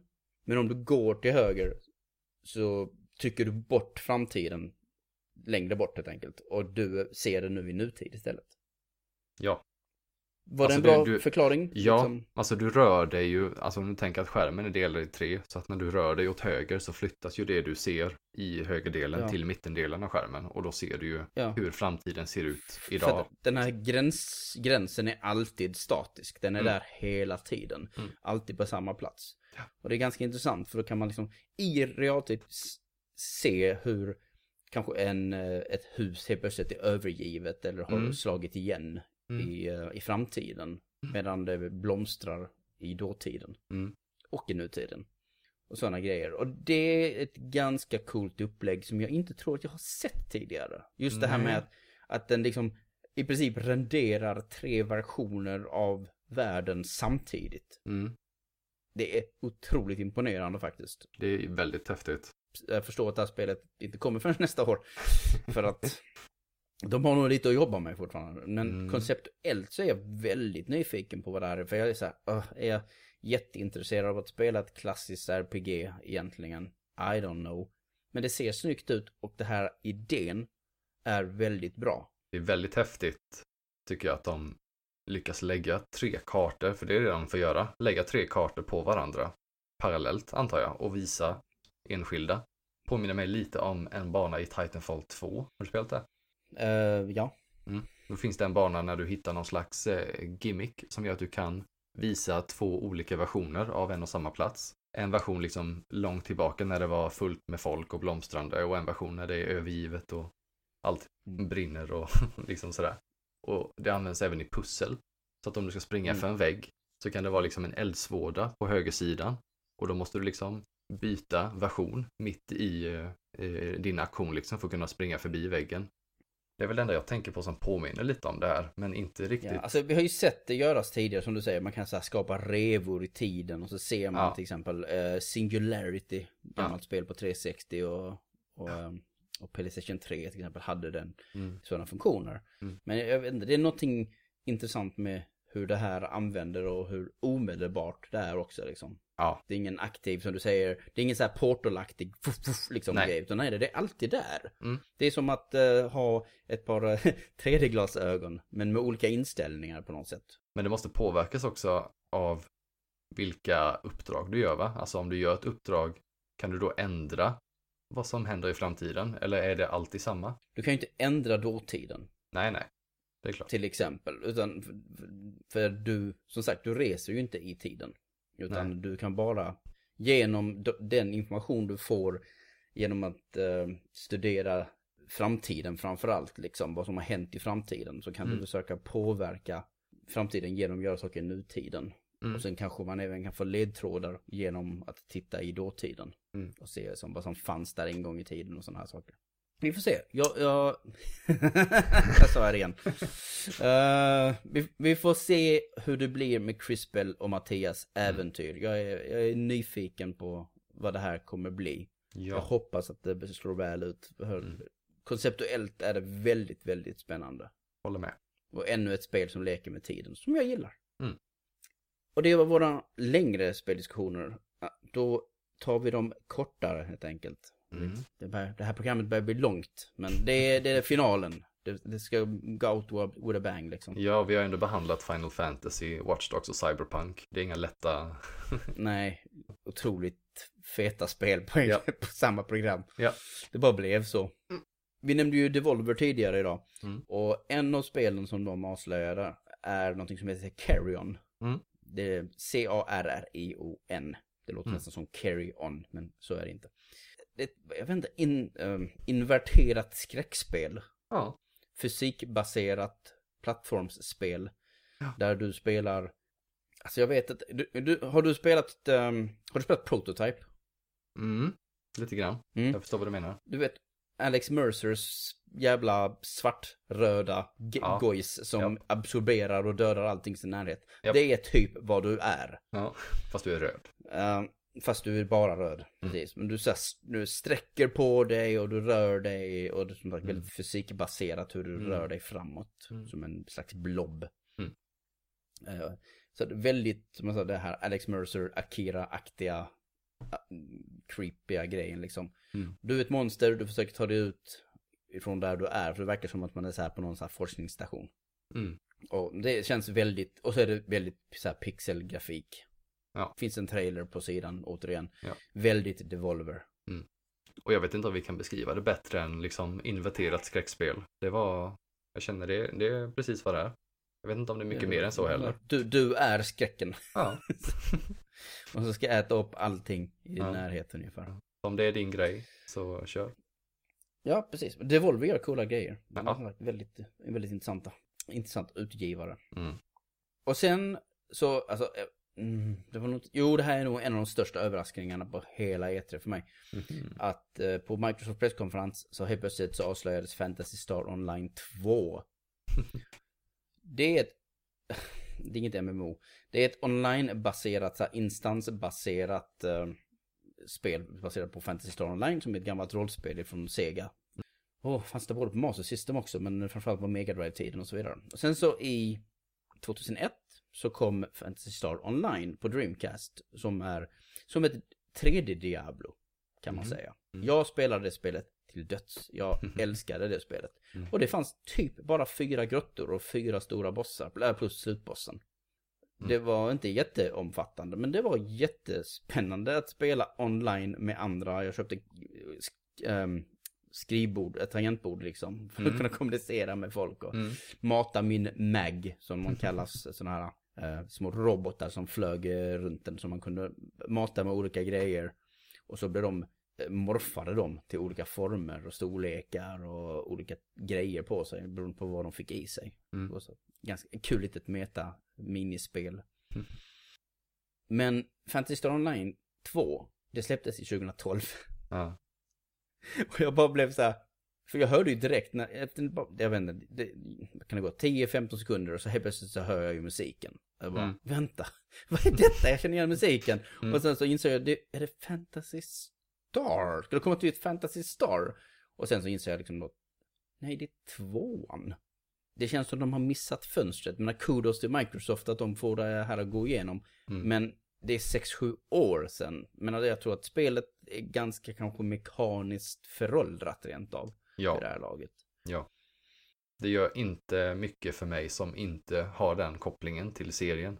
Det är så bara, Nej, kul för dem jag, som jag, jag vill ha gillar världen. Jag tycker att det är en cool look på det och så vidare. Ja. Men jag hade nog hellre sett ett Fantasy Star Online 3. Alltså. Eller så är det här ett sätt att testa vattnen liksom. Ja, det kan vara så att den ligger längre fram i planeringen då. Om det är så att Ja, folk gillar det. ja men kanske. det är ju som konst... Det är som så här, det är lite som att skjuta sig... Eller men skjuta sig i foten är fel uttryck, men som jag säger, det är för sent. Mm. Det är som så här, åh men folk är intresserade. Nej, för ni bjuder på ett spel som har spelmekaniker från liksom tio år sedan nästan. Vad förväntar ni er? Även om det finns bra och kul grejer också. Ja. Å andra sidan, folk spelar gamla spel fortfarande, så det är ju inte, det är inte omöjligt. Jag säger som jag sa till Smash avslöjanden. Kul att det kommer. Kul att det finns. Eh, Sega vill också slänga fram Panzer Dragoon som avslöjades på Nintendo Direct. Men det Mm. kommer på flera plattformar. Och Panzer Dragoon är ett spel som jag tror Star Fox-fans skulle uppskatta. Mm. Gillar man Star Fox så har man inte så jäkla mycket sådana här flyga i flyga skjutarspel liksom. Just det. Den typen av shoot 'em ups. Mm. Och Panzer Dragoon är den typen av spel. Mm. Eh, och ett bra sådant. Och jag vet inte om det bara är att de bara säljer första spelet eller om Orta också ska vara med. Som kom på Xbox. Men Ja, jag antar att det kanske inte är långt bakom. Jag har ingen aning vad prissättningen är eller någonting. Nej, Och det här ser ut att vara, du vet, en remaster ser det ut att vara ungefär. men såg det inte lite mer polerat ut än bara remaster? Eller var det bara jag som Ja kanske... men det här är ju ett spel ifrån Saturn. Ja, jag menar då måste det ju vara... du, du vet, en, rem nej, en remake anser jag är när man bygger om spelsystem och alltså väldigt, ut, väldigt utförligt. En remaster är när man, alltså det är lite så här crash du vet. Vad var det? Crash och var remake. ju en, Men de gjorde ju inga ändringar förutom att spelet bara blev väldigt mycket snyggare. Fast de byggde ju upp det från grunden. Alltså min, min egen definition, som jag har i mitt huvud, jag vet inte om det stämmer, men det är att en remaster grundar sig liksom i det första spelet och liksom piffar till det medan en remake bygger upp det från något nytt. Även om det ser likadant ut. Ja, fast samtidigt har du sen spel som Resident Evil 2. Ja. Som verkligen är en sann remake. ja. För den gör både ingrepp i hur spelet fungerar så att det fungerar på, i modern tid mycket bättre. Mm. Men det var ju ett spel som hade fasta kameravinklar som helt plötsligt fungerar som vilket tredjepersons actionspel som helst. Mm. Så att jag vet inte riktigt uh, vad jag ställer mig här. Plus att jag vet för lite om spelet helt ärligt. Och du vet, det är omöjligt att man kan, man kan inte bara göra en uppressad version. Man kan väl, men det vore Mm. ju katastrof att Ja, göra nej, ett uppressat. Saturnspel. Nej. Jag tycker vi gör så här, vi kör veckans fråga nästa vecka. Vad är skillnaden mellan en remake och en remaster? Och så får vi se. Bara höra vad folk tycker. Ja. Ja, okej. Jag är rädd att vi kanske får lite för många likartade svar hela tiden. Kanske. En annan stor överraskning i år. För det här, det här var nog den trailern som man satt ut, som jag kliade mig på hakan lite åt. Mm. Det var när vi hamnade i en skog. Mm. Det var en kamera involverat liksom. Jag satt så här och funderade. Bara, "Eh, vad är, det, är det Outlast liksom? Är det ett nytt Outlast-spel? Kommer det en trea? Mm. Vad är detta för någonting? Och sen fortsätter det liksom. Och så helt plötsligt så ser jag liksom en person i en stuga i ett hörn. Mm. Som bara glor in i hörnet. Och jag bara, okej det här var en sjuk jäkla Blair Witch rip-off liksom. Mm. Det är ganska skamligt, men visst, kör hårt. Och sen så visar det ju sig i slutändan när de zoomar ut att det är Blair Witch. Det Ja. är ett Blair Witch-spel. Ja. Vilket jag inte hade förväntat mig att se i 2019 liksom. Nej, men jag menar, skräckspel finns det ju folk för. Så att varför Ja, inte göra det absolut. riktigt bra liksom? Visst, alltså det är ju skräck, skräckfilmen som startade det här hidden, uh, hidden Ja, footage-genren det. liksom ganska Mm. ordentligt. Och därför kändes det väl lite som att Outlast var en ganska bra gissning. För det är lite sådär hidden footage-liknande just för att man går omkring med en videokamera. Ja. Men det är inte Outlast-gänget heller som gör det. Utan det är uh, Bluebird Team som gör Layer of Fear. Och även Mm. väldigt coola cyberpunkiga, eller så här lite ehm, Blade Runner-aktiga Observer. Inte att förväxla Ja. med Observation som kom i år. Just det. Så det är en ganska kompetent studio. Mm. Och i synnerhet med weirdness och skräck och så vidare. Så det känns väl som att det är helt rätt. Um, det var en, som sagt, det var lite överraskning. Mm. jag, jag var inte riktigt redo på det. Har, har du sett Blair Witch själv? Eh, länge, länge sedan.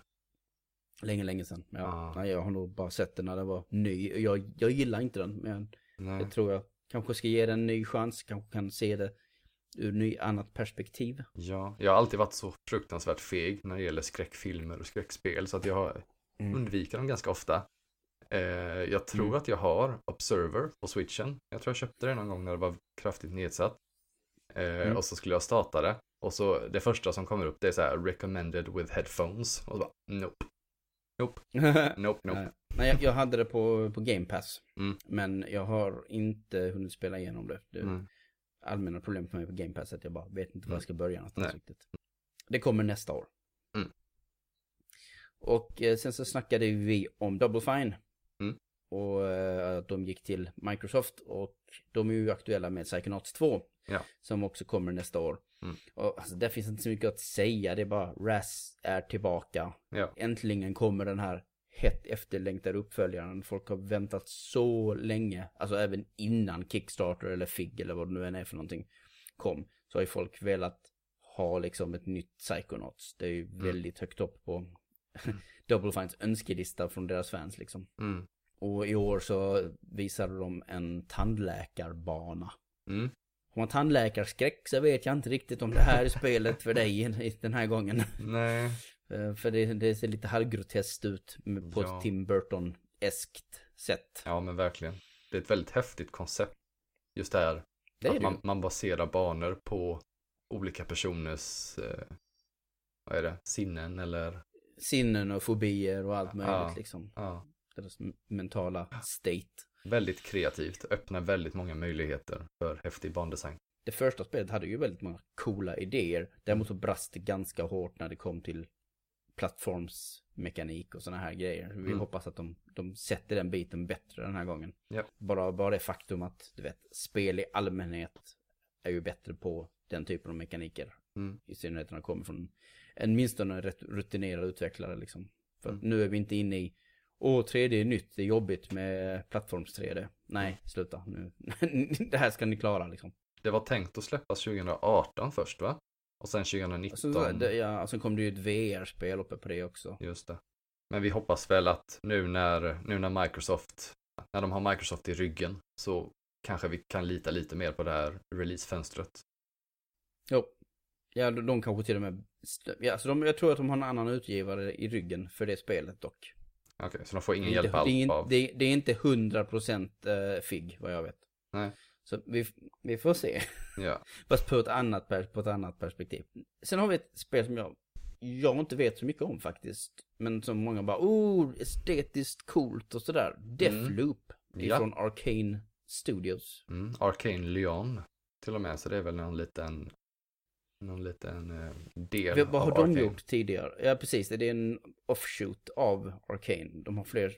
Det är osäkert. Just Lyon har jag inte superbra koll på, men Arcane överlag har ju Dishonored och de har Prey. Prey. Ja. där. Och då tänkte jag, har Leon gjort någonting tidigare eller är de helt nya? Medan Dishonored och både Dishonored 1, 2 och Prey gjordes av grundstudion. Det låter som en bra fråga. Jag googlar. all right. Deathloop Mm. heter det här spelet och jag är inte riktigt säker på om jag vet vad det handlar om. Har du, har du någon koll på det? Ja, det har jag faktiskt. Det utspelar sig på en ö som heter Black Reef. Där två eh, rutinerade lönnmördare eh, kämpar mot varandra i en tidsloop. Eh, och en av dem vill stänga den här tidsloopen medan den andra vill skydda den av någon anledning. Men jag vet inte om det är ett single player-spel. Det känns som att det skulle vara ett slags co-op, jag inte, online. Men samtidigt så Det känns ju bara som det skulle vara en mot en. Ja, och då känns det inte jätteroligt längre. Utan jag hoppas Nej. ju att det här är ett ordentligt single player-spel med liksom inspiration från bandesignen i Dishonored. Där du kanske hoppar Mm. lite fram och tillbaka mellan de här, eller du väljer en vid början som du fick göra i Dishonored 2. Du fick välja en karaktär. Eh, där var de visserligen väldigt lika varandra. Då var det ju Corvo och Emily, hans dotter. Medan det här nu då är två fiender. Som, jag vet inte, det kan bli så att det bjuder på två helt olika spel, vilket hade varit superhäftigt. Men vi vet Ja. inte riktigt mycket mer än så. Nej, för det, så det här var ju det spelet som kan man säga utannonserades um, vid sidan av Ghostwire. Mm. Precis. Och som är liksom så här, det här är bara trailers just nu. Ja. Det här är inget mer. Nej. Vi vet inte. Det finns. Det, det finns en idé. Det som, om jag skulle säga så här, det Bethesda lyckades med i år var väl åtminstone att bägge de här trailerna ändå skapade lite tankar hos folk, gjorde folk nyfikna. Mm. Eh, även om Deathloop är jag inte 100% alltså konceptuellt coolt, men det är så här, men hur gör man det till ett coolt spel? Mm. För att den grejen låter ju inte sådär jättespännande egentligen, inte i mina ögon. Mina ögon. Nej. Fast jag tycker, du borde väl gilla den. Du älskar ju tidsloopar och... Jag älskar ju tidsloopar och grejer, men jag undrar ju hur man gör det med ett spel så där det inte bara är eh, liksom deathmatch om och om, om igen. Nej. För vad är grejen? Vad är hooken? Och, men grejen är så att jag, vet ju om att Arcane är duktiga. Men Dishonored var bra. Prey Mm. har jag inte spelat så mycket men det finns många saker jag gillar med det rent konceptuellt också. Ja. Jag skulle bli väldigt besviken om det skulle vara liksom ett multiplayer-spel. Kanske multiplayer-element. Jag vet inte. Mm. Asymmetrisk multiplayer är ju inte lätt att göra heller. Så att, jag Nej. vet inte. Nej. Ja, vi får se. Uh, och sen har vi ju också... Jag kan inte stoppa mig. Jag måste säga det. Ja, det, det måste, det orden, den meningen måste komma ut ur mitt freaking anlete hela tiden tydligen. Men nu gillar jag att vi ändå liksom uppmärksammat det, så varje gång du säger det så kommer det Ja, bli en grej. Det har blivit en grej. Något annat som folk talar om det här spelet, bara ah, du har en så cool stil. Men det är så här, men det är ju bara en trailer.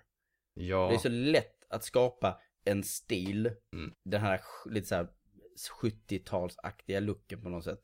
mm. I, i en trailer. jag tror att folk, eh, jag tror att folk liksom baserar väldigt mycket på, alltså vad de vet sen innan, vad de vet att Arcane kan göra med Dishonored och sen så slänger de på den här sättningen och bara, hmm, ja, Mm. Men inte bara settingen. Det är färgvalen och sådana saker också.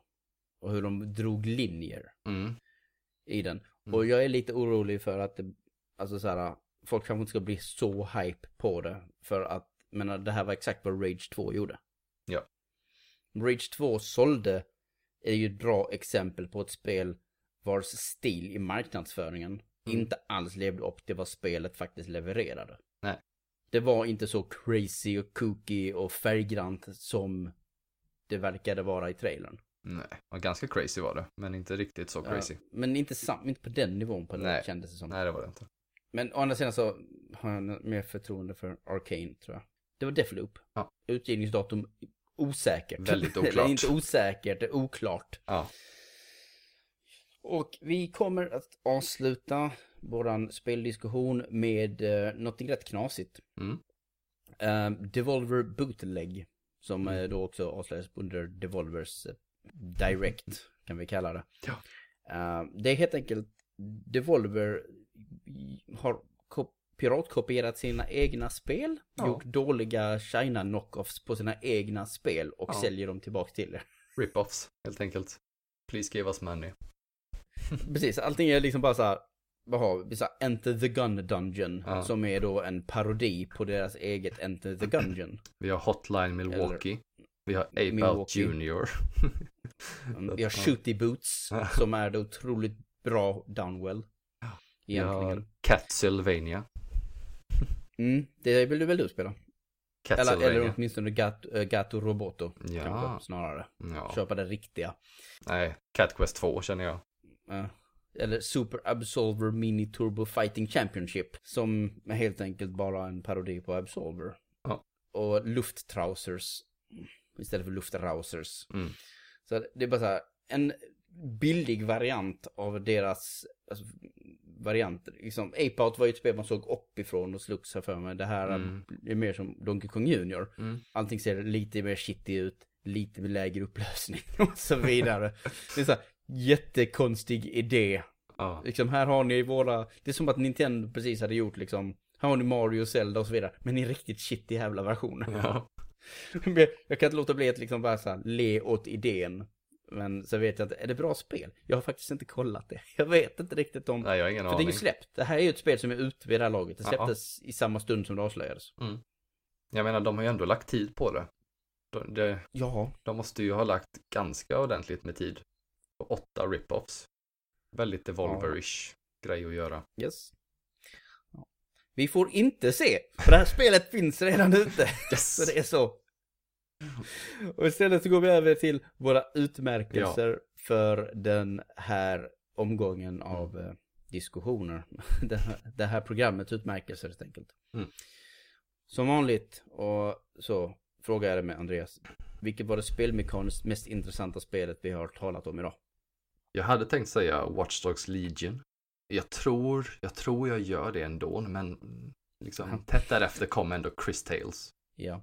Jag undrar inte om jag tycker att Chris Tales koncept och den idén är faktiskt mer, ännu mer spännande än Mm. Legion. Mm. Legion är ambitiöst. Men det är inte lika spännande. Nej. Att växla mellan karaktärer. Vilket Mm. är också någonting förresten, så jag vill bara tillägga, som man kan göra i Final Fantasy 7 också. Just det. Um, såklart, för man spelar ju alltid tre karaktärer i Final Fantasy 7. Men nu gör man det så här eftersom att man har direkt kontroll över karaktärer i det här spelet. Mm. Så har man istället gjort att man växlar mellan dem. Mm. Vilken värld vill du helst utforska eller besöka av de vi har talat om idag? Där säger jag Cyberpunk. Cyberpunk, ja, Mm. nej men visst. Uh, jag säger uh, Blair Witch. Nej, det gör jag fan inte. Devolver Bootleg. Ja, precis. Jag tyckte egentligen att Chris Tale såg ganska mysigt ut och så vidare. Men jag, Mm. jag tror jag kör på... Jag tror nästan jag kör på Fantasy Star Online 2. Jag tycker det är en cool look. En annan typ av sci-fi värld liksom. Ja. Och sen, vilket spel var det mest visuellt tilltalande för dig? Där går jag bara på ren detaljrikedom och Mm. även liksom hur det ser ut rent artstylemässigt och säger Final Fantasy. Ja, jag, jag tänkte så här, åh, är det Chris Tale igen för mig? Men nej, Final Fantasy 7 klår Mm, det. Det, mm. det ser så sjukt bra ut. Ja. Både tekniskt och art direction-mässigt. Mm. Jag håller med. Mm. Vad tror du kan vara bara mest kul? Vad är ball? Och bara köra igång lite. I brist på annat att säga om spelet så säger jag nog Devolver Bootleg. Är... Jag säger nog Carrion personligen. Ja. ja, men det förstår jag. Men bägge två är dum, Jag eh, bägge blev Devolver-spel. Ja. Och det känns lite som Devolvers grej. Det ska bara vara lite kul. Det ska bara vara lite kul. Det ska Ja. vara lite dumt, det ska vara lite kul. Ja. Det ska vara lite edgy. Ja. Eh, och sen, slutligen, för sista gången det här året. Mm. Vilket spel ifrån E3 av de vi har talat om idag vill du helst ta med dig hem nu på direkten? Nu tror du att jag kommer säga Watch Dogs. Eller hur? Nej, jag vet inte faktiskt. Nej. Jag är kluven. Jag tänkte så här. Att av de spelen vi har pratat om nu. Det spelet som jag tycker Mm. känns intressant men som också känns som att det är längst bort är Deathloop. Så att jag väljer det. Mm. Ja. ja, men det känns väl rimligt. Mm. Och du, som sagt, du gillar ju väl deras spel. Dishonored gillar du, eller hur? Ja, de gillar jag. Jag tar gärna Watch Ja. Dogs också om jag får ta två. Mm. Jag tror jag landar på Final Fantasy själv. Mm. Liksom så här, jag kan inte vänta längre. Bara ge mig det. Jag Jag köper hade det. inte haft något emot att spela det i höst liksom. Nej. Ge mig det. Mm. Jag vet inte så mycket andra saker jag vill spela just nu, kanske i höst, förutom på Nintendo-fronten. Och, eh, och eh, Death Stranding såklart. Ja, jag har en del. Vi får se. Ja. Vi får se vad det blir. För att det kommer så mycket spel och man är inte riktigt redo på allting. Jag har spelat så Nej. många spel i år som jag inte alls var redo på att jag skulle spela från första början. Och det är redan juli. Ja, faktiskt. crazy. Så det var vårt fjärde program. Så jag tror jag kommer tacka dig en gång till Andreas, men tack för att du har varit med mig i de här fyra programmen. Tack för att jag fick varit med, med. våra lyssnare. Tack. Eh, men innan vi avslutar så hade jag velat säga några ord om, om podcasting i allmänhet. Men vi börjar med att vår podds nätverk växer dessutom, växer dagligen just nu. Mm. I talande stund så hittar ni Player One presenterar på Radio Public, Breaker, Stitcher, Podbean, Overcast, Google Podcast och Apple Podcast. Vid det här laget så behöver jag snart inte räkna upp mer. Jag kan bara säga överallt. Och det är nice. Det är väldigt, det är väldigt kul att vi har, eh, att vi har fått den stora spridningen med hjälp av Anchor. Som är ehm, det är den platsen där vi lägger upp programmet direkt. Och där kan man också faktiskt direkt lajka våra grejer och även skicka in meddelanden. Men det kanske blir mer aktuellt när vi ska göra någonting lite mera konsekvent. För det här, det här är fyra avsnitt och nu tar vi paus. Ja. Eh, men jag tänkte även lyfta Player Ones framtida planer för poddradio. Eftersom att det finns många som undrar om dem och har undrat eh, sen förra året i princip. Vi, det, det korta svaret är vi vill göra en podcast. Vi ville göra det redan efter förra årets E3 egentligen. Och framförallt så ville jag göra det redan i julas. Men saker kom tyvärr i vägen. Eh, personer som skulle jobba med det eller som hade sagt att jag kan klippa det och så vidare kunde inte göra det helt plötsligt. Eh, och dessutom är resurser ett problem. Jag vill inte offra eh, textmöjligheter och skribenter och texter och tempo på att vi ska sitta och klippa ett program. Eh, det, det är för mycket. Vi måste bli fler på redaktionen innan vi kan börja lägga resurser på att göra en, en podcast. Join us. Men, yes. Så precis, joina oss. Vi, vi tar emot skribenter. Det är bara med öppen famn, fast eh, inte för öppen. Den är lite sluten. Men skicka in en eh, ansökan, absolut. Presentation och ett arbetsprov. Ni får gärna ta kontakt med mig på Twitter, där heter dogma understreck. Om ni har frågor om vad vi kanske letar efter eller vad man ska skriva om och sådär liknande. Jag svarar alltid på sådana frågor, det är, det är bara ett nöje. Mm.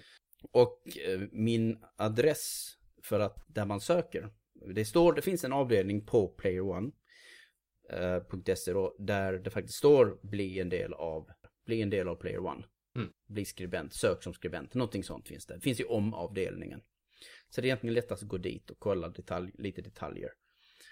Men annars är det uh, alexander at playerone.se. Det är mailadressen som man skickar in sin ansökan. Mm. Så bra Andreas, bra att du sa till för det är absolut bra tillfälle att säga till folk att vi tar emot ansökningar.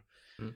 Och vi skriver ju vitt och brett om, vi skriver om gammalt, vi skriver om nytt, vi recenserar och vi analyserar. Mm. Det är väldigt brett det vi sysslar med här på, på Player One. Yes. Och ibland, och ibland så poddar vi och förhoppningsvis gör vi det mer i framtiden. Mm. Men som sagt, det jag skulle komma till är att nu har vi ett, nu har vi lagt ett fundament. Nu finns vi lite överallt. Nu existerar Player One, ett, äh, Player One. Player One presenterar Mm. och det finns tillgängligt på många ställen. Så när vi känner oss redo eh, så är liksom här, alla de här nedladdningsmöjligheterna är nu redan på plats. För vi har valt vårt namn, för att vi har valt det här namnet eh, Player One presenterar för att ge oss stora möjligheter att kunna variera innehållet. För vi vill, framförallt inte för stunden, upprätta en massa feeds och vi vill absolut inte ge E3-podden en egen feed.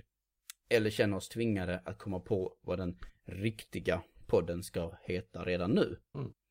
Så Play One presenterar är en feed där ni kommer hitta allt vårt material i framtiden. Behöver saker ändras senare, då, då får vi göra det. Mm. Men håll tummarna för oss så ska vi så vi kan få igång en återkommande podd till kanske efter sommaren, Mm. tidig höst. Det, det vore jättekul. Vi tycker alla att det vore kul. Men vi måste ha resurserna som sagt. Vi gör det på vår, det här, vi gör det på vår fritid. Japp. Vi hör gärna direkt ifrån er också. Vad ni skulle vilja höra oss snacka om i en återkommande show till exempel. Vad, vad vill ni ha ut av en podcast ifrån Player One? Vi har idéer, men har ni idéer? Vi är idel öra. Och det är vad jag har, vad jag har att säga om podcasting och Player One. Och innan vi finns på poddar mera så hittar ni också vårt skrivna innehåll då på Player One, playerone.se och ni hittar oss också på sociala medier, på Facebook som playerone.se, på Twitter som atplayerone se och på Instagram playerone se där också. Mm. Så det var det, det var våra pluggar. Ja. Det var allt vi hade att bjuda på den här gången och med det menar jag det här året för vi kommer inte prata mer om E3 nu. Nu räcker det. Nu stänger vi det. Nu stänger vi det. Tack för att du ville haka på i dessa fyra program Andreas. Tack själv för att jag fick vara med. Ja, för jag är så snäll. Mm. Tack till alla er som har lyssnat. Jag hoppas att ni hör oss igen om bara några månader. Ni får ha väldigt bra tills dess. Ha en fantastisk sommar. E3 är över. Länge leve E3.